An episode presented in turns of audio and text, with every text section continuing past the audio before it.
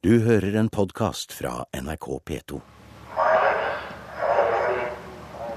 Mer enn 1000 ganger de siste 50 årene har dette foregått på Andøya i Vesterålen.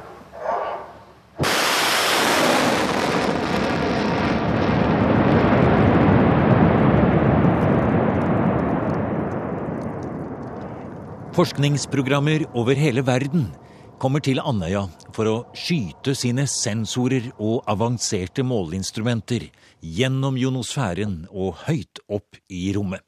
På sin vei ned mot isen et sted nord for Svalbard, eller kanskje rett i havet utenfor Andøya, sender rakettene store datamengder til bakkestasjoner i Ny-Ålesund og Science-senteret på Andøya. Det er en eventyrhistorie som går tilbake til den 18. august 1962. Kontrollkabelen er nå trukket tilbake. Det er sekunder om å gjøre. 6 minus 20. Tennsensor settes i, og tenningspanelet settes under spenning. Det var x minus 20 sekunder. Tennstøpselet ble satt i, og tenningspanelet under spenning. 8, 7, 6, 5, 4, 3, 2, 1 fire,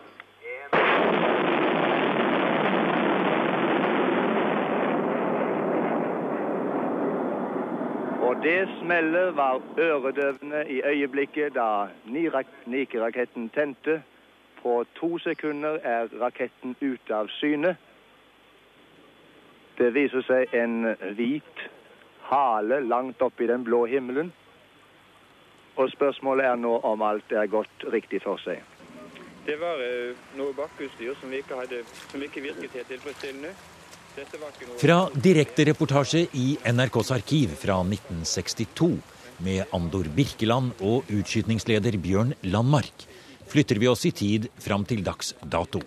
Direktør Arne Hjalmar Hansen på NAROM, rakettskytefeltets avdeling for romfartsutdanning, tar oss med ut på en gressplen mellom hav og fjell. Der er tomta stukket ut til neste fase av fremtiden. Akkurat her skal eh, romskipet bygges. Det er en sånn historisk eh, anledning nesten, for dere har nettopp fått en del nye bevilgninger. Dere har hatt kongen til å legge ned grunnsten her. Og her kommer romskipet Aurora, ja. Ja. Og for noen flotte omgivelser dere får rundt oss. Ja, det tror jeg blir spektakulært Ja. eh, alle, alle veiene. Så, eh, så i dette romskipet her, i tillegg til eh, selve opplevelsessenteret, så vil også Narom få nye undervisningsfasiliteter, klasserom, kontorer og ikke minst et auditorium som gir oss en bedre posisjon for også å kunne være vertskap for både forskerkonferanser og, og andre større tilstelninger. Ja. Og foran her ser du Ja. Der eh, brukte vi også jubileet til å eh, gjøre kjent at dette får eh, navnet Finn Lids plass. Finn Lid er jo en virkelig pioner innenfor norsk romforskning. Kanskje den viktigste i, i forhold til etablering av Norge som, som romnasjon.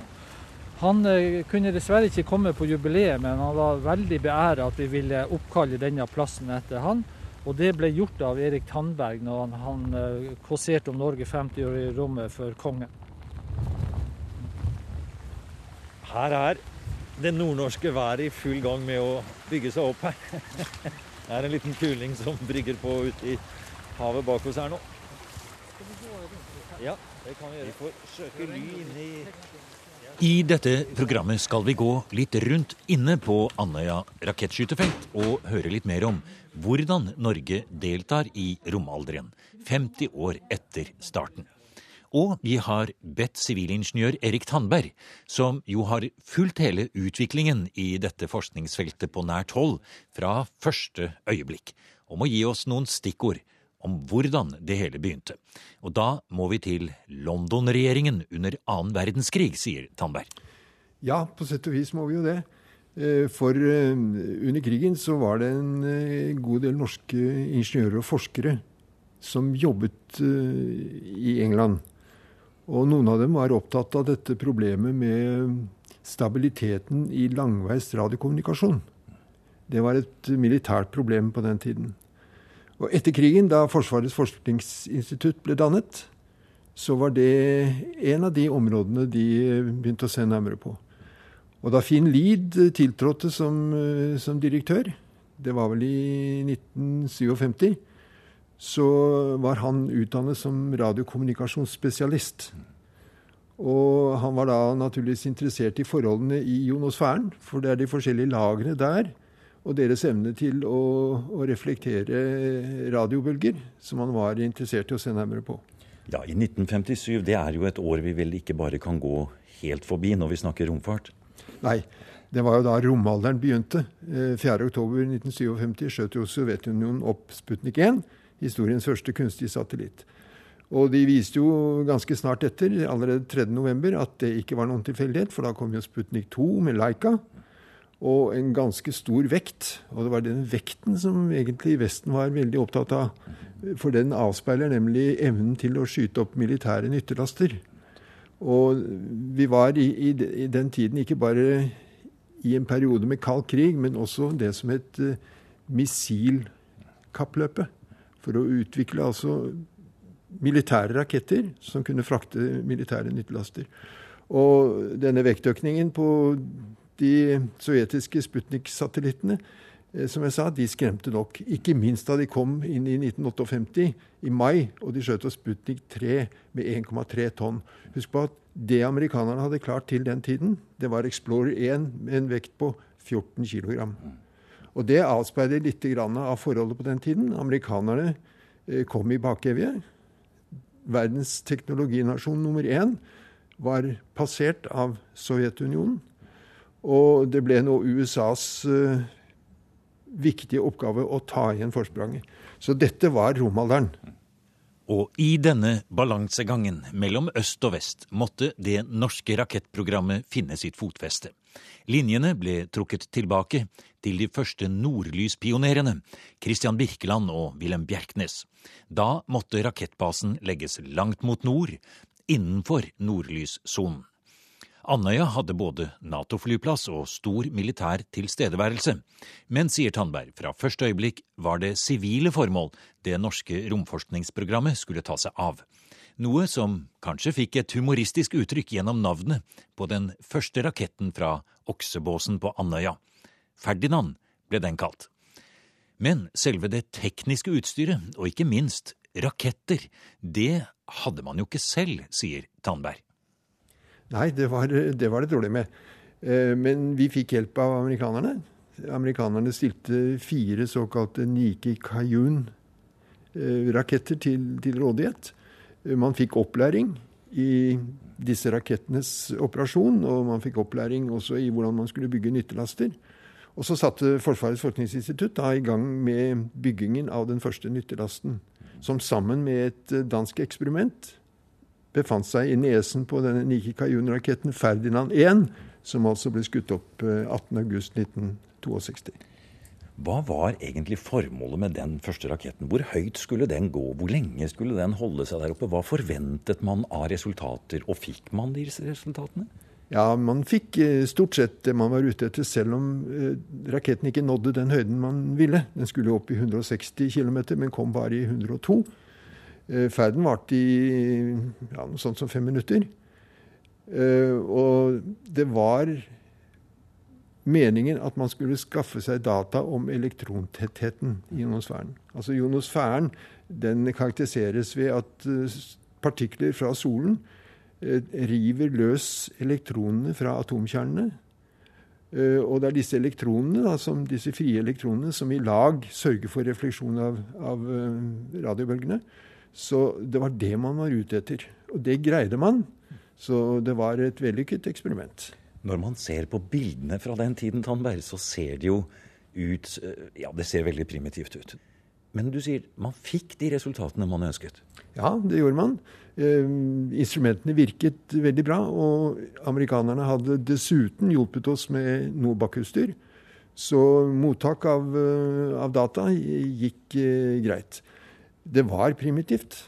Denne launcheren, som man kaller det, eller oppskytningsmekanismen, den var jo konstruert av den kjente altmuligmannen, mirakelmann Odd Dahl. Uh, han hadde forresten en finger med veldig mye av det som skjedde på, på Andøya på den tiden. Men um, som jeg nevnte, initiativet til det hele kom vel fra Finn Lied. Skal vi gå inn på Science Center? Ja, det gjør vi. Her ser vi, går vi forbi en lang vegg her med historiske bilder hvor vi ser hele, hele historien til Andøya rakettskytefelt. Det virker så enkelt. En veldig sped start med en liten brakke og noen små ramper og sånn. Og en kasse fra Amerika med en Cajun-rakett. Og det vi ser i dag med et høyteknologisk, eh, topp moderne anlegg. Det er, en, det er, en, stor utvikling. Ja, absolutt. Og, og hvis vi ser tilbake eh, på det de hadde i, i, i 62 med, med, starten av utstyr, både i forhold til å, å skyte opp den aller første raketten Ferdinand 1 18.8.1962 men også det utstyret de hadde for å laste ned data, så er det nesten uforståelig for oss i dag at dette var starten på norsk romalder. Men det var jo det. Så det var jo knappe fem år etter starten på, på romhandelen eh, i verden at Norge ble en romnasjon. Så Norge er faktisk en av de eldste eh, romnasjonene i verden. Arne Hjalmar Hansen på Andøya rakettskytefelt tar oss med bort til et gnistrende oljemaleri. Det er sort, blått, gult, har stjerner og nordlys. Og en rakettrampe. Det er en kunstnerisk tolkning av Andøya og verdensrommet. Det er jo Frans Widerbergs tolkning av uh, den romvirksomheten som skjer på Andøya, der han uh, har uh, der han fremstiller i rakettoppskyting. En, en gul strek, nesten flammende strek som går opp i atmosfæren med de flotte fjellene eh, her i, i, i bakgrunnen. Så uh, Frans Widerberg er jo en venn av andre rakettskytterfelt, er veldig opptatt av universet, av nordlyset og av arktisk lys, og har jo gjort masse innenfor uh, dette området som vi syns er spennende. For det er et eller annet med den undringen, Hansen. Det er et eller annet med at det er noe med romforskning som, som griper også alle som ikke er vitenskapsmenn. Kan nesten si at det er en poetisk dimensjon også i, i, i romforskningen. Ja, så absolutt. Det er jo det. Og hvis vi tar nordlyset som eh, fenomen, så det er klart at eh, mange vitenskapsfolk eh, over hele verden prøver å forstå nordlyset. Eh, og det er også en viktig del av romforskninga som gjøres fra, fra Andøya. Men eh, en annen artig dimensjon ved nordlyset, det er jo den humaniora-delen av nordlyset. Altså hvordan nordlyset har inspirert eh, kunstnere, musikere osv. osv. Så, videre. så Så den, den undringsdimensjonen tror jeg er ja, altså Det er mange som er besnært av den, både vitenskapsfolk og kunstnere. Og når det gjelder det å begeistre, så bare snur vi oss litt her. Mm. Og her ser vi virkelig noe som dere har tenkt skal begeistre publikum, og kanskje en, en bredere del av de som eh, kommer hit også. Vi står og ser på Spaceship Aurora. Hva er det? Ja, Romskipet Aurora er et kunnskaps- og opplevelsessenter som vi skal starte bygginga av eh, om få uker, og som skal åpnes eh, til neste år. Og dette er jo eh, særlig beregna på skoleklasser. Vi vet jo at eh, forskning viser at, eh, at barn og unge syns jo at verdensrom og dinosaurer er noe av det mest spennende. Kanskje er det sånn at verdensrommet nå har slått dinosaurer.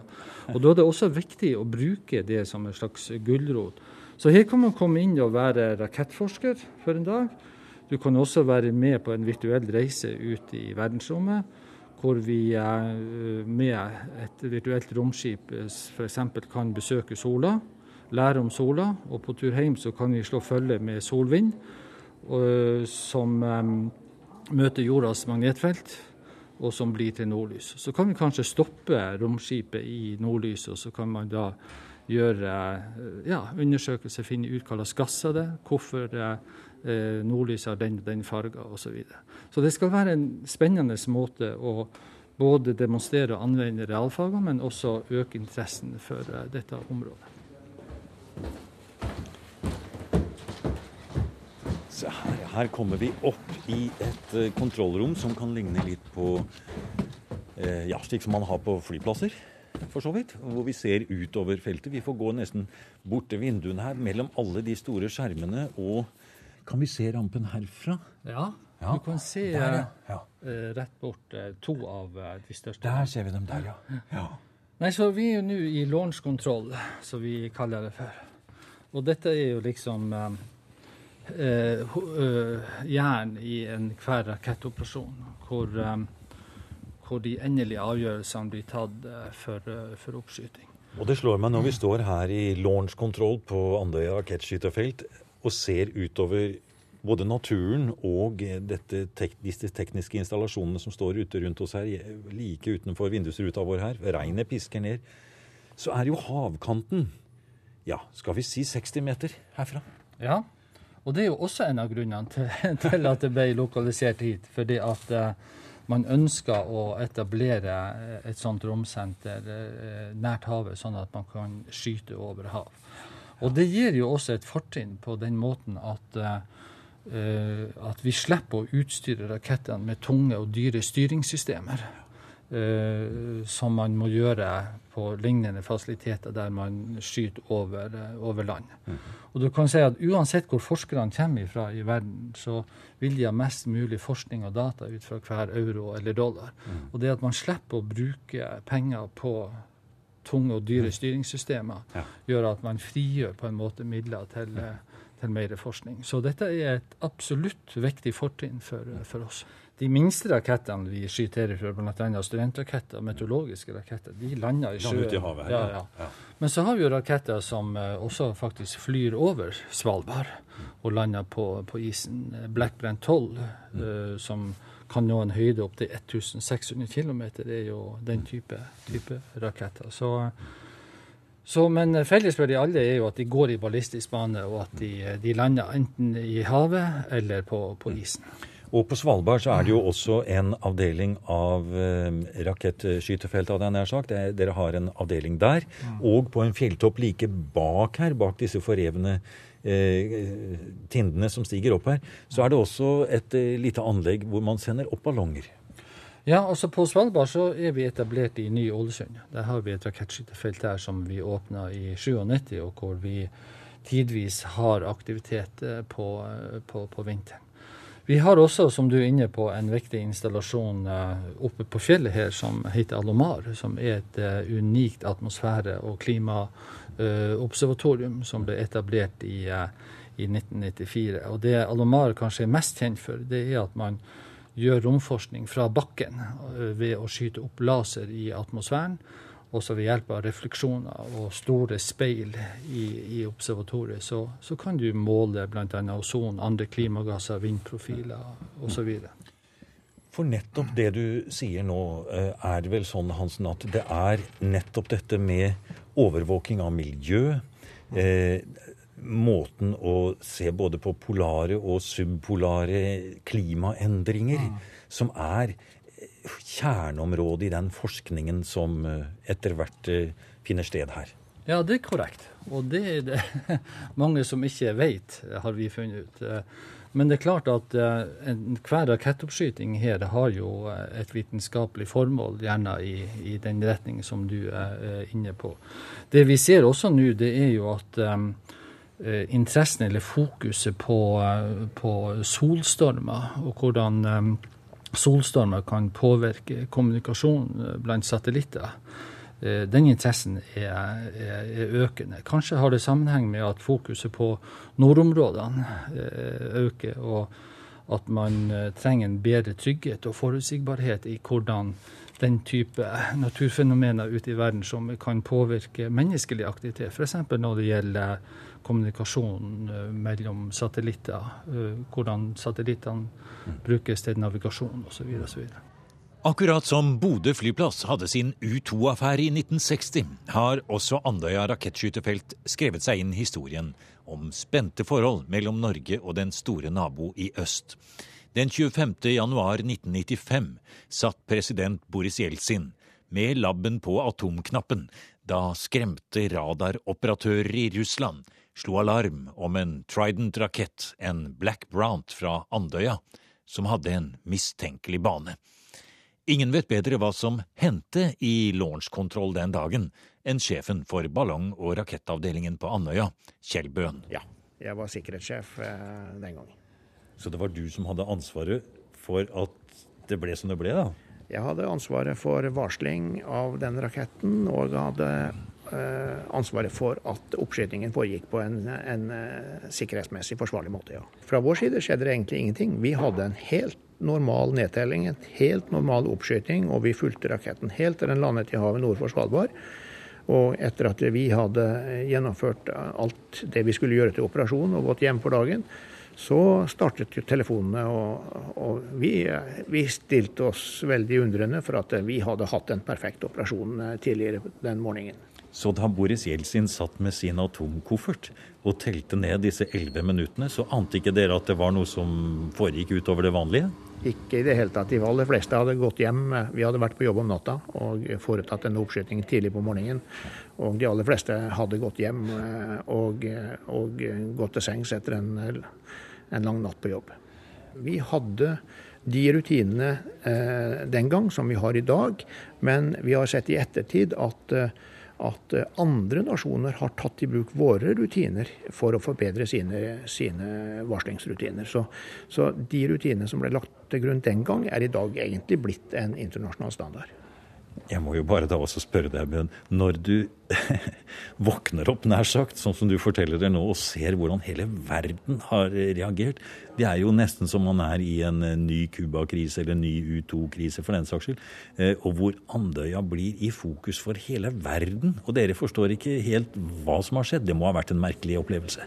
Ja, det var en merkelig opplevelse. Det var eh, nesten som du ikke trodde det du så eller hørte. Så det var, eh, det var utrolig å, å ha den oppmerksomheten i en, i en sånn setting i, i, faktisk i flere uker etterpå. Ja, Det var vel en del rødglødende telefoner, tenker jeg, hit da? Det var rødglødende telefoner, og vi hadde TV-team fra hele verden. Fra store amerikanske selskaper eh, og til andre europeiske selskaper her i flere uker etterpå.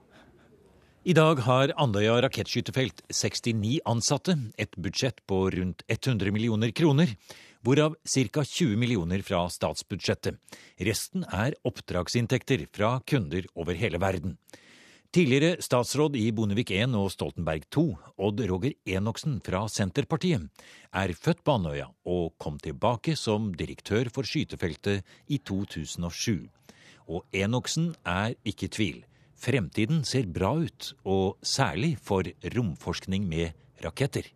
Merkelig nok, kan man si, så er det å bruke rakett til vitenskapelige undersøkelser er fremdeles like aktuelt i dag som det var for 50 år siden, vil være det også i tida framover. For saken er jo den at um, opptil 10 km kan man bruke fly til å gjøre undersøkelser, eller 10-15 km. Opptil 40 km kan man bruke ballong, og i store høyder kan man bruke satellitt. Men i rommet mellom der så er det kun rakett som kan brukes. Og um, jeg ser for meg at eh, framtida for Andøya rakettskytterfelt vil eh, komme til å gå mer og mer i retning av å jobbe i forhold til klimaendringer, i forhold til presis navigasjon, i forhold til eh, forholdet mellom sol og jord. Altså, vi blir i dag mer og mer avhengig av ting som befinner seg ute i verdensrommet. Det er bare å tenke på utviklinga de siste ti år i forhold til telefoni, i forhold til TV, i forhold til internett, i forhold til all kommunikasjon vi gjør, så har det endra seg dramatisk på 10-15 år. Det betyr også at vi blir for hver dag som går, mer og mer avhengig av ting som skjer ute i verdensrommet. Og det å ha mest mulig kunnskap om dette blir viktigere og viktigere. Og Der er Andøya rakettskytefelt en liten brikke, men vi er på noen områder en veldig viktig brikke i forhold til å eh, øke kunnskapen om bruk av verdensrommet. Som eh, tidligere toppolitiker og en person som kjenner godt til nordområdenes spesielle utfordringer, og kanskje den nye historien vi står foran, som kanskje kan skje i Barentsregionen. I hvilken sammenheng vil infrastrukturen her på Andøya, på Svalbard og alt dette som har med det internasjonale samarbeidet knyttet til dette, ha å si for fremtiden til rakettskytefeltet?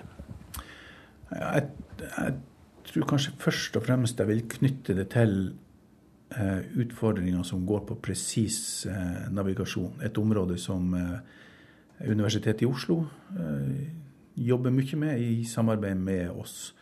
Og Det å skaffe kunnskap om dette, og ikke minst være i stand til å varsle når man får et utbrudd på sola som påvirker denne navigasjonen, er jo en av de tingene som ikke bare vi er opptatt av, men som eh, NASA er opptatt av, som den europeiske romorganisasjonen ESA er opptatt av å skaffe kunnskap om i forbindelse med etablering av Galileo.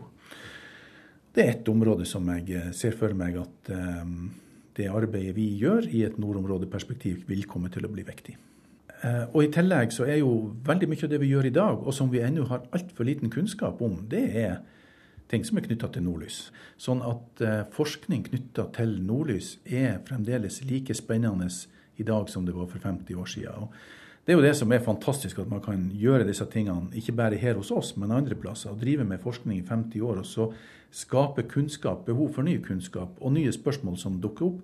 Og ny teknologi og ny måte å bruke verdensrommet på åpner også nye, eh, nye spørsmål. For 50 år siden var det radiokommunikasjon i nord med kortbølge og mellombølge som var utfordringa. I dag er det helt andre utfordringer man har, men fenomenet som skaper de utfordringene, er nøyaktig det samme.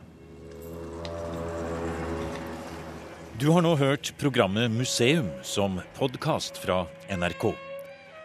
Museum sendes i NRK P2 på lørdager og søndager. Du finner flere programmer på nrk.no podkast.